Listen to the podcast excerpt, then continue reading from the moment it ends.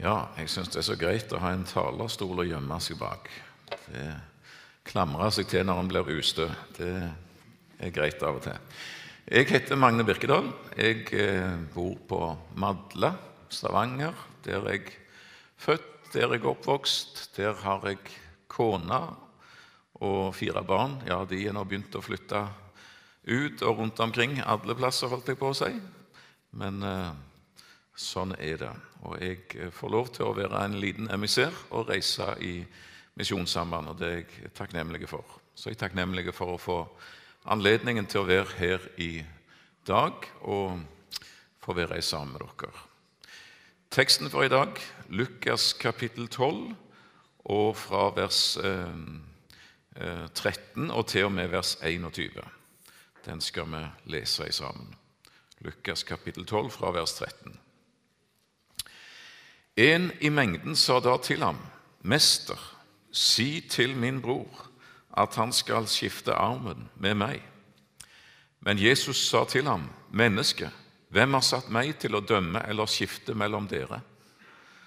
Han sa til dem, Se til å ta dere i vare for all havesyke, for ingen har sitt liv av sin eiendom, selv om han har overflod. Han fortalte dem så en lignelse og sa:" En rik mann fikk stor avling av jorden sin. Da tenkte han ved seg selv, hva skal jeg gjøre? Jeg har jo ikke rom nok til å samle min avling i. Og han sa, dette vil jeg gjøre. Jeg vil rive ned låvebygningene mine og bygge større. Der vil jeg samle hele min avling og mitt gods. Så vil jeg si til min sjel, sjel, du har mye godt liggende for mange år. Slå deg til ro, et, drikk, vær glad. Men Gud sa til ham, Du dåre, i denne natt kreves din sjel av deg. Hvem skal så ha det du har samlet? Slik er det med den som samler seg skatter og ikke er rik i Gud. Herre Jesus, takk at vi får komme sammen om deg og ditt ord. Takk at du er klippen som vi kan få skjule oss i, og som vi også kan få drikke levende vann av. Takk at eh, du holder gjennom alle stormer, gjennom alle påkjenninger, og du eh, holder òg på den dagen når en skal stå for Gud. Du holder, og bare du. Det priser vi deg for, Jesus. Og så ber vi om at vi kunne få noen nyttige minutter her der du talte til oss, og der ditt ord fikk utrettet det du ville. Vi ber for dette møtet. Vi ber for de mange plasser de samles om ditt ord. Herre, la ditt ord ha framgang, og la ditt rike komme. Amen. Ja, det begynner som med en arvesak. Det er en der i flokken som føler seg urettferdig behandla. Og det kan det godt være at han var òg. Iallfall så har han et ønske om å få Jesus over på si side til å tale sin sak. Og eh, mester, si til min bror at han skal skifte arven med meg. Eh, det er jo veldig aktuelt, og det kan en se mange ganger, at når det kommer opp arvesaker, ikke minst, og når det gjelder det som har med penger og disse ting å gjøre, så kan det bli fryktelig betent. En familie der en ellers er gode venner og vel forlikte, så er det en kritisk fase når det øyeblikket kommer at, at arven skal gjøres opp. Hvem skal ha hva? Er det rettferdig? Er det urettferdig? Eh, vi kjenner historiene. Og i denne bestemte saken så nekter, og det gjør han jo alltid han vil ikke, Jesus vil ikke bli tatt som gissel. Og han sier, 'Hvem er det som har satt meg til å dømme eh, eller skifte mellom dere?' Tror du det er derfor jeg kom til jord? At jeg forlot himmelen? At jeg ble født til jord for å ordne opp i pengesaker og arvesaker? Det er ikke mitt anliggende. Og det er en fare som Og det kan, igjen, det kan veldig godt være at denne mannen hadde retten på sin side. Men likevel så ser Jesus at det er en fare som er større enn å bli urettferdig behandla og å komme dårlig ut av en eh, arvesak, eller hva det måtte være. Og det står, Legg merke til det. Han sa til dem. Jesus henvendte seg ikke til han. Han sa ikke Altså, han sa til ham. Nei, Jesus sa til dem. Hadde Jesus bare henvendt seg til denne personen det gjaldt, så kunne jo de andre stått der på sidelinja og sagt at eh, der fikk han den. Det hadde han godt av. Men når Jesus henvender seg til alle og sier det til dem Ta dere i vare for all havesyke, alt pengebegjær, så er det noe som rammer den enkelte. Ikke sant? Og er det aktuelt for oss? Er det aktuelt i dag? Ja, eh, jeg håper å si ikke mindre enn det var når Jesus uttalte disse ord. Se til å ta dere i vare for all havesyke, for alle former for eh, havesyke eller pengebegjær. For det er mange former som i det ytre kan se ulike ut, men som egentlig går ut på det samme. For ingen har sitt liv sier Jesus, av det han eier. Det er ikke der det ligger. Hva gagner det et menneske, spurte Jesus, Matteus 16, vers 26, om han vinner den hele verden, men tar skade på sin sjel? Eller hva vil et menneske gi til vederlag for sin sjel? Det står atskillig i Bibelen, og vi kommer ikke mye inn på det, for det er så bredt eh, her i dag. Men det står atskillig om ditt og mitt forhold til penger, f.eks.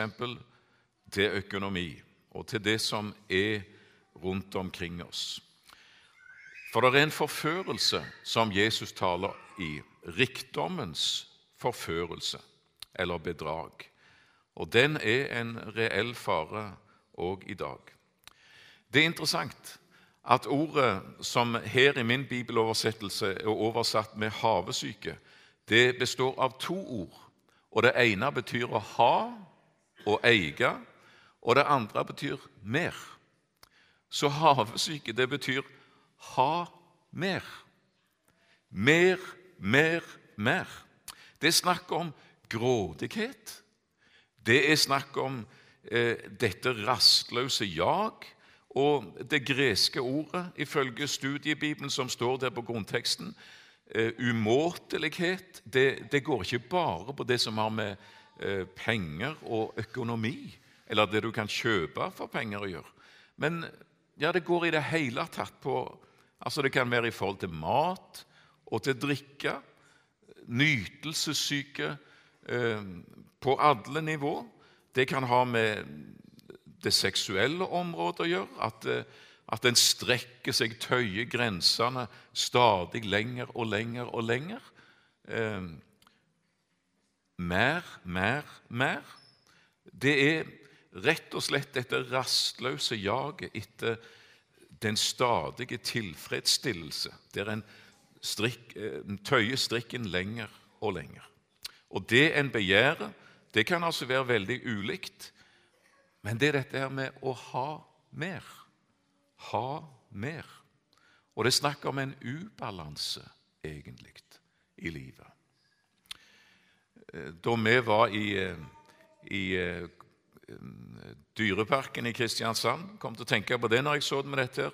Når Småen var, en av guttene var liten, og vi tok denne tømmerrenna og hadde tatt det én gang, da nekta nesten poden å gå ut av selv om køen var der. Og så sa han en gang til. En gang til. Så var det å stille seg i køen. Den var heldigvis kort akkurat da. Og så var det én tur til. Mer, sa han. Mer. En gang til. Så det ble liksom det at vi gikk i den der sirkelen. Men hvis nå året hadde gått, og han ble tenåring og så videre, og, og holdt seg på den samme plassen og sa en gang til mer, mer, mer, da hadde du sagt at her er det noe som er fundamentalt galt og i ubalanse. Dette her er ikke sånn livet skal være. Det er mange mennesker som ser på livet som en, en fornøyelsespark, en egotripp, der det gjelder å få med seg alt. Å springe ifra det ene til det andre, mer, mer, mer, helt til siste turen ut forbi kanten. Men livet er ikke tenkt sånn ifra Herren. Livet handler om å ære din Gud og å tjene din neste. Og paradoksalt nok så er det det som eh, gir den virkelige lykke, og ikke dette jaget på etter fornøyelsesparken hele veien. Eh, Jesus forteller en lignelse eh, om denne storbonden som, som gjorde det godt. En driftig og dynamisk kar kanskje en jærbu, kunne du nesten sagt, som, eh, som, har det problemet at han har ikke plass nok til å samle sin avling i. Hva skal jeg gjøre? Skal jeg stoppe her? Nei, jeg vil rive det bestående, og så vil jeg utvide og bygge eh, større, og så vil jeg samle hele min avling og hele mitt gods eh, i dette. Og Jeg har lyst til å si det i dag. Problemet med denne storbonden er ikke det han gjorde. Men det er det han ikke gjorde.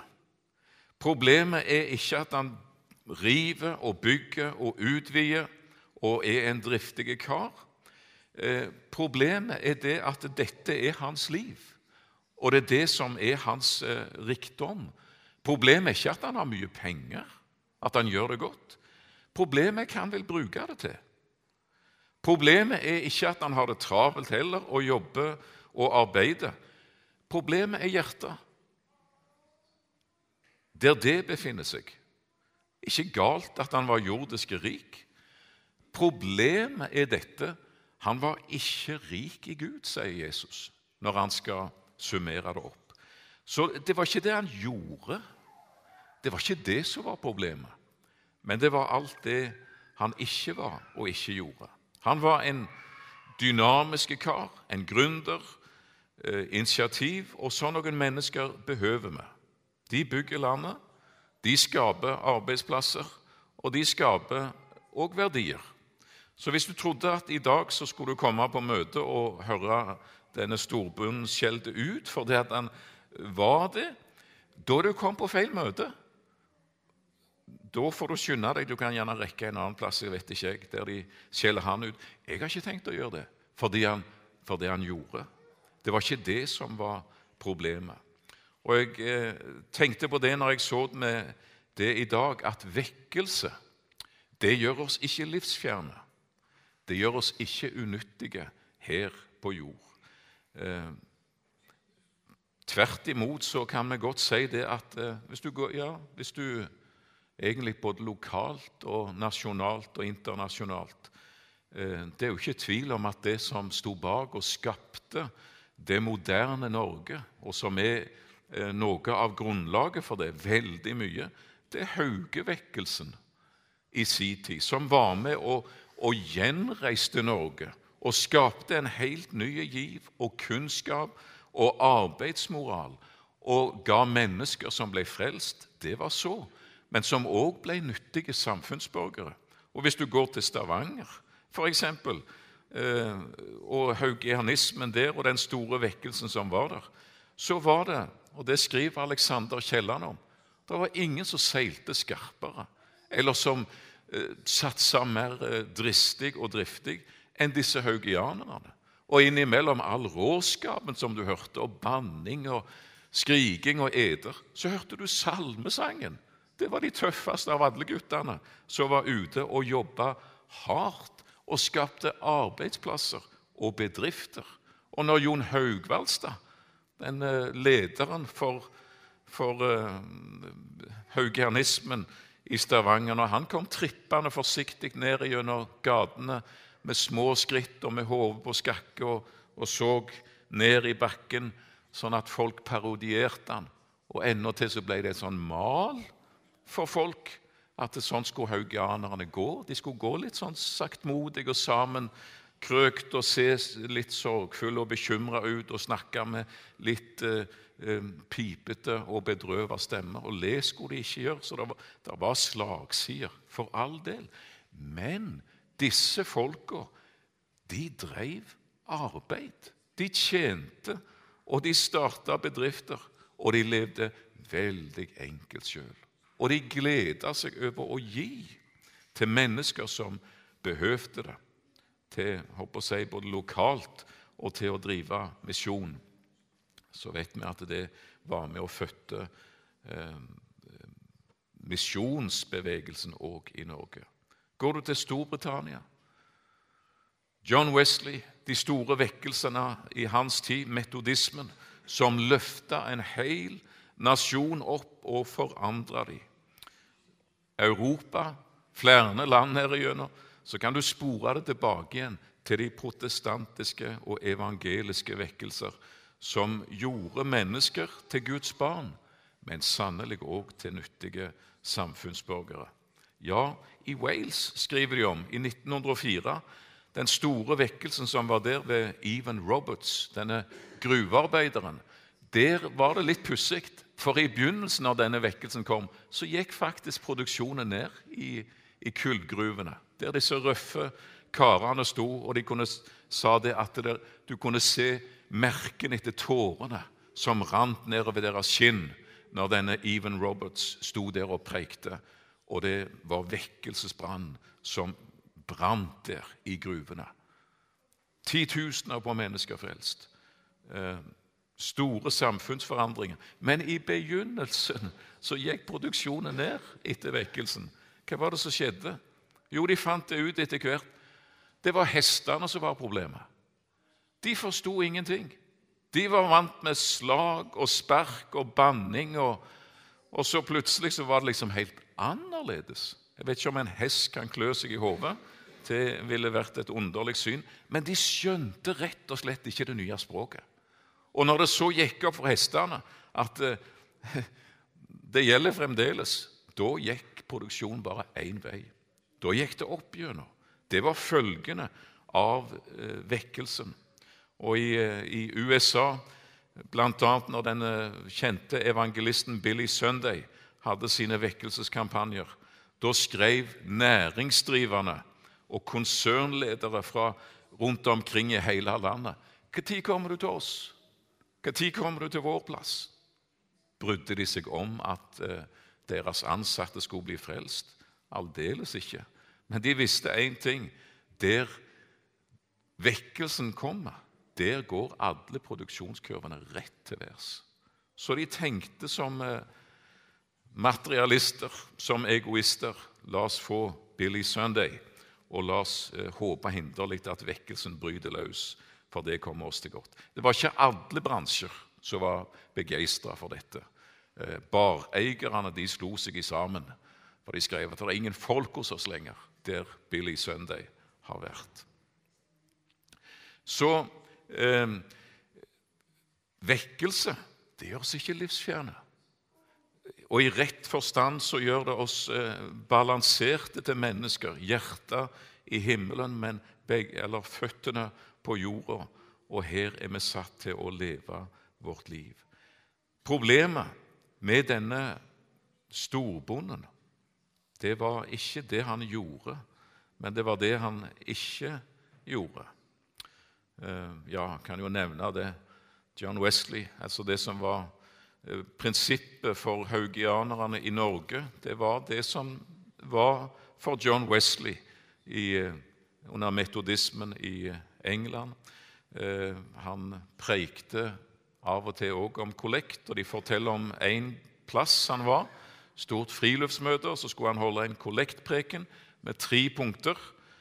Punkt nummer én tjen alt du kan.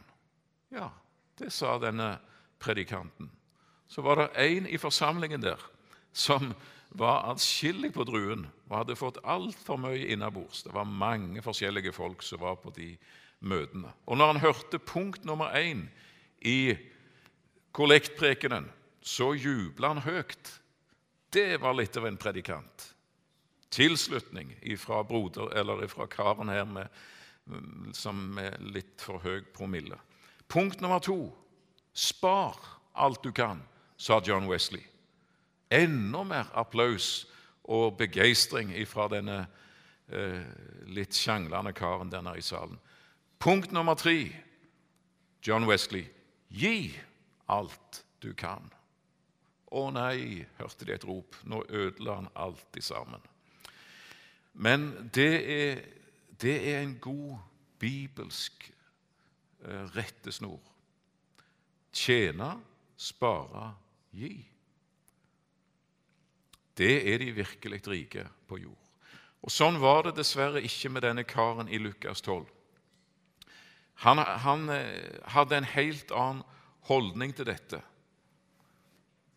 Jeg vil rive ned låvebygningene, jeg vil samle hele min avling og mitt gods.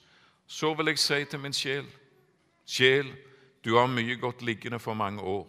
Slå deg til ro, et, drikk og vær glad. Som om sjelen kunne spise seg mett på eh, alt det han hadde samla seg. Som om det kunne møte de behov som mennesket innerst inne har. De sjelelige eller de åndelige behov. For når det står om hvordan Gud skapte mennesket, så gjorde han det på en sånn en måte at han la evigheten i deres hjerte, står det i Predikanten 3 og vers 11. Og Én sak er at uh, denne karen her kanskje hadde gått og følt på en tomhet og en mangel i livet. Det kan vi nesten lese ut av sammenhengen når han snakker til sin sjel og sier at det slår deg til ro. Eh, da aner vi at her har det vært en, eh, en uro. Og den eh, tok han sikkert og drukna i, i, i enda mer arbeid og enda mer aktivitet. Men det som er verre enn at en har en følbar eh, mangel og tomhet i sitt indre, det er jo det bibelske faktum at et menneske er fortapt uten Jesus. At en går til helvete, for å si det som det er, uten Jesus. Og der hadde denne mannen sin kurs. Jesus sier, 'Ta dere i vare for all havesyke'. Og denne ha-mer-syken den kan ha mange former. Det kan være gjerrigknarken som sitter og ruger over sin eiendom og over sine kroner. Og samler i sammen absolutt alt og ikke bruker noe. Det kan være den ene sida av det. Den mannen vi leser om her i Lukas 12, det er arbeidsmauren. Det er han som har sin glede i selve arbeidet, i å, å, å se muligheter og utvide og gå inn med full tyngde. Det er en annen eh, måte. Han er ikke redd for å omsette midlene og bruke dem. Men menneskelig talt så vil vi si han bruker det fornuftig. Han investerer i nytt. Og han, eh, han er arbeidsmauren. Visjonær er han. I Lukas kapittel 16, fire kapitler senere, der møter vi en annen form for materialisme. Der møter vi en mann som lever hver dag, står det, i herlighet og glede. Fra Lukas 16 og vers 19 utgjennom. Det er livsnyteren. Han er ikke så opptatt Han er ikke som gjerrigknarken som liksom har mer penger. Men han er opptatt av hva, hva, hva kan jeg få ut av pengene. Han er heller ikke den som gleder seg så mye over, over selve arbeidet, og sånt, men, men resultatet og fruktene. Hva kan jeg bruke disse pengene til? Hva kan jeg få ut av livet? Hvor kjekk kan jeg ha det? Hva kan jeg få med meg denne, i denne fornøyelsesparken? Han var det noen ville sagt var en livskunstner. Han var ikke gjerrig, han kasta ut pengene, strødde om seg, levde hver dag i herlighet og glede. Livet var en fest. Han hadde alt, menneskelig talt. Rikdom, helse, godt humør, et lys sinn i utgangspunktet, et gedigent hus, mange venner, Stilige klær hadde han, det står det om. Alt. Og sånn kan, altså Når Jesus sier 'ta dere i vare for all havesyke', så er det ikke bare én form. Det er ikke bare den som har mye penger, som trenger å ta seg i form i, i vare for det. Det kan like godt være den fattige som tanke og sinn er fullt av, og om jeg bare hadde vært rik. Det er enormt med variasjoner. Gjerrigknarken, arbeidsmauren, livsnyteren. De kan se så ulike ut på utsida, men de har det til felles at de er fanga av materialismen, av ha mer-syken. Det var én ting verken arbeidsmauren i kapittel 12, teksten vår, eller livsnyteren i kapittel 16 tok høyde for. Arbeidsmauren han tenkte langsiktig. Han sa at sjel, du har mye godt liggende for mange år. Så han tenkte langsiktig. Men han tenkte dessverre ikke på evigheten. Han planla alt, unntatt det viktigste, det ene nødvendige. Det som Amos roper ut i kapittel 4, vers 12.: Gjør deg rede til å møte din Gud. Nei, det var ikke med i regnestykket. Han regnet mange år fram igjennom. Og hvordan skulle han egentlig kunne vite det? Hvordan skulle du kunne vite det, herr arbeidsmaur, at denne dagen er faktisk din siste? Du er ved veis ende. Din reise er over. Han tenkte og planla, står det i vers 18 og 19, men i vers 20 står det Men Gud sa til ham.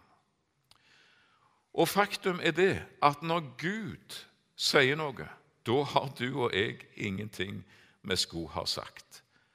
Slik ble det som Gud hadde sagt. Og en natt, ei kveld, så legger denne arbeidsmauren seg i sin seng med hodet fullt av planer og tanker. I morgen skal jeg gjøre det og det og det, og så skal jeg tenke sånn og langt fram igjennom og så sovner han. Og en eller annen gang i løpet av den natta så slutta hjertet å slå, og det var over. Og han ble kanskje funnet at for i denne natt kreves din sjel av deg. Så det kom aldeles uventa på han, og sikkert på alle andre òg. De fant han død i hans seng om morgenen, og det var sikkert de som trøsta seg med dette. Ja, ja, han slapp iallfall å lide.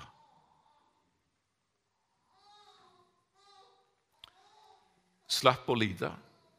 Hadde du vært på den andre sida av grensen, hadde du sett hva som nå skjedde, da hadde du snakket om lidelse. Fortapt.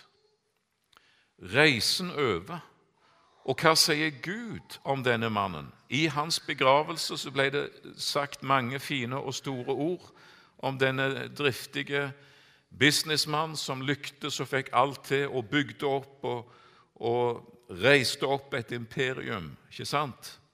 Mange fine ord som ble sagt i hans begravelse. Men hva sa Gud om og til ham? Jo, Det står det i vers 20. Men Gud sa til ham, du dåre din tosk, rett og slett. Eller som en bibeloversettelse oversetter det ufornuftige, dumme, toskete menneske, rett og slett. Ja, han hadde nå intelligens nok på alle vis, og likevel så var han i Guds øyne en torsk. Hvorfor? Han levde som om det ikke var noen Gud. I praksis var han ateist, om han ikke var det i teorien, kanskje. Det vet jeg ikke hva han var. Men han levde som om det ikke fantes en himmel, og heller ikke et helvete. Rik på jord, lutfattig i Gud. Det er dårskap, ifølge Skriften. Og sånn gikk det med arbeidsmauren som var fanga av alt dette timelige, og som ikke var rik i Gud. Hvordan gikk det med livsnyteren da, i Lukas 16? Jo, det vet du òg hvordan det står. Som levde hver dag i herlighet og glede. Eh, men også den rike døde, står der i vers 22, og ble begravet. Og da han slo sine øyne opp i dødsriket, der han var i pine Det hadde han aldri tenkt på. At det skulle være noe mer etter dette. Iallfall hadde han skjøvet den tanken ifra seg. Og nå våkner han i fortapelsen, og han forstår to ting. Han forstår én dette er evig. Det er ingen vei her bort ifra. To her er det ingen lindring. Han ber bare om én dråpe, én gang. Kan du ikke sende Lasarus bort, at han kan dyppe fingeren sin i vann og komme bort og svale min tunge med én dråpe vann? Jeg ber ikke om noen fast leveranse av lindring én gang i året eller noe sånt, men jeg ber én eneste gang om én dråpe lindring. Det er alt. Og så blir det avvist, for fortapelsen er et sted der det ikke finnes noen lindring. Og det er dårskap å leve som om det ikke er noen evighet, ingen himmel, intet helvete, som om denne verden er det eneste, og at det er slutt det er slutt når det er slutt her på jord. Hvem var rik? Lasarus, som lå ved den rikes port. Han hadde vært fattig på jord, det er sikkert. Men han var rik i Gud. Han hadde skatter i himmelen. Han hadde engler til venner. De hentet han og reiste han over. Og han hadde en levende frelser. Og i all evighet, Lasarus, skal du bare være lykkelig.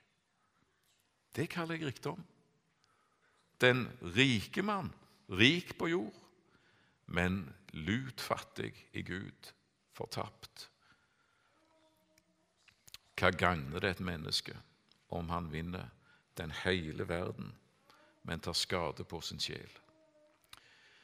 Jesus sa til dem, og i dag gjelder det deg og meg, se til å ta dere i vare for all havesyke. Det er en reell eh, fare, enten du er gjerrig knark, rik eller fattig, eller du er arbeidsmauren eller livsnyteren, eller hva skikkelse det enn tar. Vi kan ikke snike oss unna, og jeg kan det ikke. Det er en reell fare, og denne, at vi blir virvla inn i denne vettløse dansen rundt gullkalven, der du til slutt er så svimmel du vet, du vet ikke hvem du er, eller hva du vil. eller noen ting. Du blir fanga av det. Ha mer, ha mer, ha mer. Vi skal ta med eh, Nå har jeg ikke forkynt egentlig så mye lære eller eh, ikke så grundig, kan du godt si, i dag. Men vi skal ta med et, et avsnitt i andre Timotius brev som er veldig praktisk, og som er adressert til oss som hører Herren til. 2. Timotius, kapittel, 1. Eh, Timotius er det, kapittel 6, og fra vers 6 eh, og utgjennom. Ja, står det, gudsfrykt med nøysomhet er en stor vinning. For vi hadde ikke noe med oss inn i verden, og det er klart at vi heller ikke kan ta noe med oss herfra. Har vi mat og klær, skal vi la oss nøye med det. Skal vi takke og glede oss over det som vi får lov til å ha. De som vil bli rike, faller i fristelser. Det er allerede en snare. Det er allerede et fall når ønsket er å bli rik for rikdommens egen skyld faller i fristelser, snarer og mange slags dumme og skadelige lyster som senker menneskene ned i undergang og fortapelse. For pengekjærhet er en rot til alt ondt. ikke penger, men pengekjærhet. I sin lyst etter penger har noen faret vill fra troen og har gjennomboret seg selv med mange piner. Men du, Guds menneske, fly bort fra alt dette, motsatt retning av ha mer, ha mer, ha mer, og jag etter rettferdighet, gudsfrykt, tro, kjærlighet, tålmodighet og mildhet. Vers 17. Du skal pålegge dem som er rike i denne verden, at de ikke skal være overmodige, og heller ikke skal de sette sitt håp til en usikker rikdom, men til Gud, Han som rikelig gir oss alle ting til vårt bruk. Interessant her at på grunnteksten og i mange oversettelser så står det 'Han som rikelig gir oss eh, alle ting å nyte'. For Det er interessant at det eh, nyte og nytte det er faktisk det samme ordet på grunnteksten. Så nytelse unner Gud oss. Det gjør han absolutt òg over det rent fysiske. En sommerdag, alltid på å si, en soldag iallfall. Og, og livet i all sitt spekter. Nytelse er nyttig når det er i den rette sammenheng. Og så blir det feil når nytelsen blir målet og selve livsinnholdet. Han som rikelig gir oss alle ting å nyte eller til vår nytte, til vårt bruk. De rike skal gjøre det gode, være rike på gode gjerninger, være gavmilde og gjerne dele med andre. Slik samler de seg en skatt og legger en god grunnvoll for framtiden, for at de kan gripe det sanne liv. Jesus summerer det opp, og det skal jeg slutte av med. Slik er det med den som samler seg skatter og ikke er rik i Gud. Er du rik i Gud? Det kunne vi preikt mye om. Det står det mye om i Skriften. Så rik at du, du trenger ikke være med på den der dansen rundt gullkalven på jord. Du har noe mye større. Både livsinnhold å leve for og å gi til og å være med og framme. Du er rik i Gud og rik for evigheten og har skatter i himmelen. Det er de virkelig rike. Herre Jesus, vi ber om nåde til å eh, bli bevart som dine barn, til å leve rett. Du vet, vi har det så ufattelig godt, og vi takker deg for det, Jesus. Takk for eh, de mange gode gaver du overøser oss med. Og vi vil, vi vil ikke tilbe de, vi vil ikke eh, bli fanget av, av, det, men vi vil takke deg som er giveren, og prise deg for det, Jesus, for all din godhet. Og Så ber vi om å få være med og få eie hjertet på rett plass hos deg, Jesus, eh, i himmelen, og at vi kunne få leve rett her på jorda og bruke midlene rett. Herre, velsign ditt folk på denne plass. La de få leve godt med deg, godt med hverandre. Amen.